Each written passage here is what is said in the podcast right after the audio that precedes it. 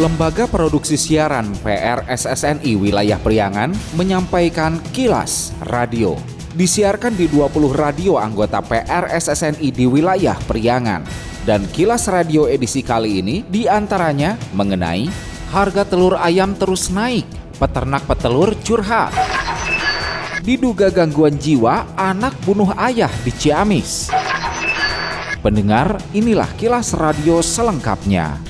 Kilas Radio. Kilas Radio. Kilas Radio. PR SSNI Jabar Wilayah Priangan. Pantauan kilas radio melalui Pusat Informasi Harga Pangan Strategis PIHPS Nasional milik Bank Indonesia BI, harga telur berada di angka Rp30.500 per kilogram pada Jumat 12 Mei lalu. Pada Jumat 19 Mei, harga telur sudah berada di angka Rp32.000 per kilogram. Di samping itu, harga telur dari peternak ayam petelur sudah mencapai Rp30.000 per kilogram. Nandang Suryana, peternak ayam petelur di Kecamatan Kawalu, Kota Tasikmalaya menyebut harga telur sebelumnya stabil di Rp25.000 per kilogram dan kini terus merangkak naik sudah hampir dua minggu. Ia menilai bukan hanya harga telur saja yang mengalami kenaikan, melainkan juga semua hasil produksi pertanian. Menurutnya, kenaikan harga diserahkan kepada mekanisme pasar sehingga yang berlaku hukum dagang. Artinya, manakala permintaan banyak tetapi barang kurang, otomatis harga naik. Nanang berpendapat jika pemerintah ingin mengendalikan harga pasar, khususnya harga pasar di wilayah Kabupaten Tasikmalaya, memberikan subsidi kepada peternak ayam petelur adalah solusinya. Itu dari BI, Satgas, dari Dinas Pertanian itu turun. Tapi untuk hari ini tidak ada. Tapi tidak percuma. Turun juga kalau cuma hanya mengecek harga, tidak ngasih solusi. Untuk apa gitu Apa itu tadi. Jadi kalau memang kalau pemerintah ada keberpihakan supaya harga ditentukan oleh pemerintah, ada subsidi dari pemerintah. Bisa disubsidi di akhir, bisa disubsidi di awal. Maksud disubsidi di awal itu mulai dari kandangnya, kuletnya, dan sebagainya, obat-obatannya, gitu kan, bisa disubsidi di, di awal dan bisa juga disubsidi di akhir. Misalkan hitung bareng-bareng kos harga telur per kilo itu berapa? Subsidi oleh pemerintah. Apakah itu mau 10 persen, 20 persen sepakati dengan petani. Baru tentukan harga oleh pemerintah jangan sekarang seperti sekarang.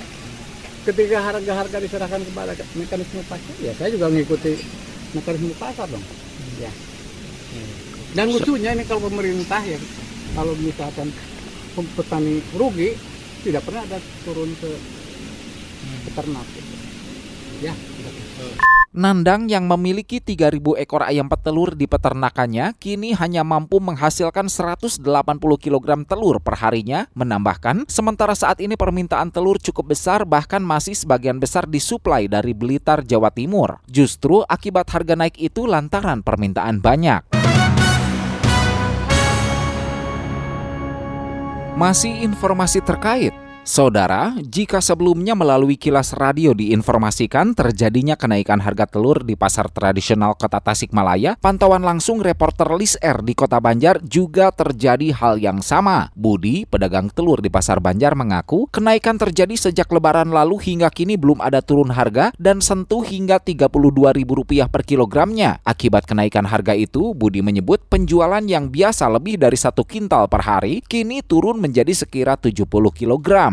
Ada kenaikan harga telur mah sekarang sampai 32 kalau Banjar mah. Sebelumnya 28, normalnya 27. 5 hari sebelum lebaran. Oh, jadi belum ada ada penurunan ya Belum ada, lebaran? belum ada. Nah, ini disebabkan apa kan katanya? Katanya sih daya belinya lagi meningkat, produksinya berkurang. Banyak kan kandang lagi akhir ternak baru kan, jadi nggak bisa produksi banyak. Pembeli sendiri? Pembeli kurang 50% yang biasa satu kilo setengah kilo. Yang 2 kilo satu kilo gitu.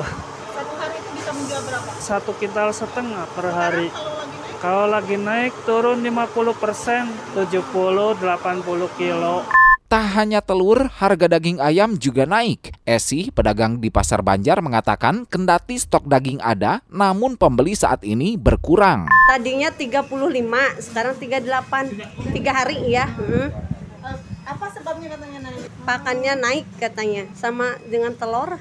Oh, tapi eh, barang ada. Ada sih, ada tapi pembelinya sekarang kurang. Heeh. Biasanya sekintal lebih, sekintal lebih sekarang mah cuma sekintal. Sekintal juga. Heeh, ya ada penurunan. Kilas Radio. Kilas Radio. PR SSNI Jabar Wilayah Priangan. Bila Anda mendapatkan hal-hal atau peristiwa penting untuk diliput oleh tim Kilas Radio, hubungi hotline servis kami. SMS atau WA ke nomor 0813 2424 5911 0813 2424 5911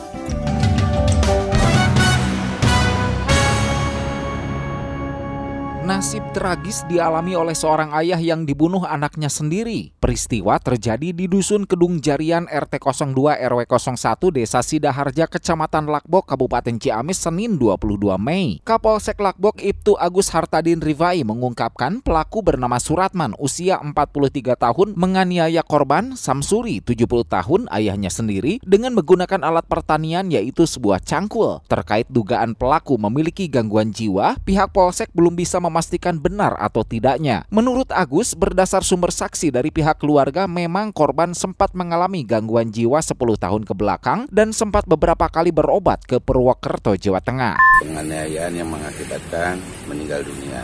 Pelaku dan korban masih ada hubungan keluarga, anak dan orang tua. Sebagai korban adalah orang tua dan yang diduga pelakunya adalah anaknya. Camat Lakbok Heliana Arif membenarkan kejadian sekira jam setengah satu siang itu terjadi ketika korban istirahat kerja sebagai petani, lalu pelaku yang anaknya sendiri dan diduga gangguan jiwa menganiaya ayahnya. mengalami gangguan jiwa, kemudian terjadi pembunuhan. Motif sedang dicari, tapi kami tidak bisa begitu saja karena gangguan jiwa harus dibuktikan dengan keterangan jiwa. Pelaku sendiri sudah diamankan ya? Sudah di Mapolsek Lakbok. Polisi kini telah amankan pelaku guna pendalaman kasus.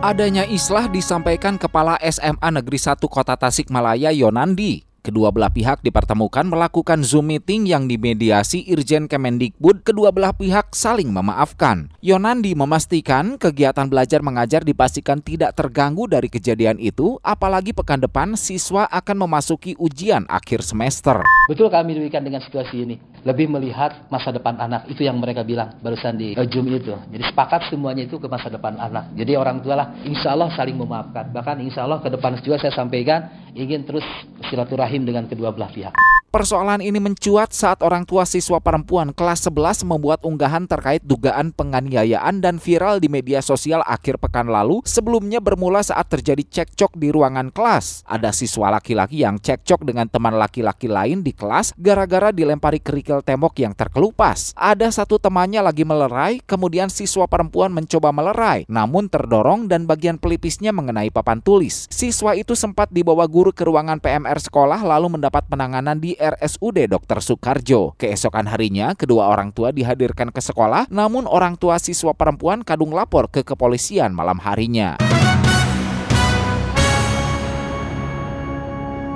Pemkap Garut apresiasi atraksi Korps Sukarelawan Palang Merah Indonesia KSR PMI Unit Institut Teknologi Garut ITG yang digelar Minggu 21 Mei. Atraksi yang berakronim Ajang Tangkas, Aksi dan Kreasi itu menggelar beberapa perlombaan seperti pertolongan pertama, perawatan keluarga dan lainnya. Asisten daerah Asda 3 Bidang Administrasi Umum Sekretariat Daerah Setda Garut Budi Gangan Gumilar menyatakan jika atraksi itu mampu memberikan pencerahan tersendiri bagi para peserta dalam rangka teknik penyelamatan hingga pertolongan pertama, di mana hal itu merupakan hal yang berhubungan dengan kemanusiaan. Karenanya, menurut Budi, Pemkap Garut sangat mendukung kegiatan atraksi yang diinisiasi oleh KSR PMI Unit ITG. Ini adalah salah satu kegiatan yang sangat eh, sebutnya itu memberikan pencerahan kepada anak-anak bagaimana dia itu bisa beratraksi dalam rangka misalnya teknik penyelamatan, terus bagaimana misalnya pertolongan-pertolongan pertama, bagaimana misalnya dia itu cara misalnya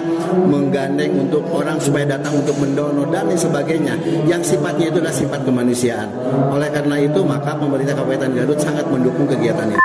Ketua Pelaksana Atraksi Ketiga KSR PMI Unit ITG Anas Nasrullah mengatakan jika sejatinya kegiatan atraksi yang ketiga dilaksanakan 2022 silam, namun karena ada pandemi COVID-19, kegiatan baru terlaksana tahun ini. Selain silaturahmi antara PMR Wira dan Madia di tingkat SMA dan SMP, Anas menyebut event juga sebagai ajang evaluasi ilmu apa saja yang sudah diberikan pada pendidikan ke PMR-an di sekolah masing-masing. Kita ada 10 lomba, di antaranya ada pertolongan pertama, perawatan keluarga, lomba ranking 1, lomba tandu, serta paduan suara. Ada seperti yang online seperti TikTok promotion, film pendek, dan potret PMR. Karena kita mengambil nasional peserta, namun yang paling banyak peserta dari Kabupaten Garut, 572 peserta dari seluruh Indonesia mungkin karena yang paling jauh kita ada dari unit dari Palembang.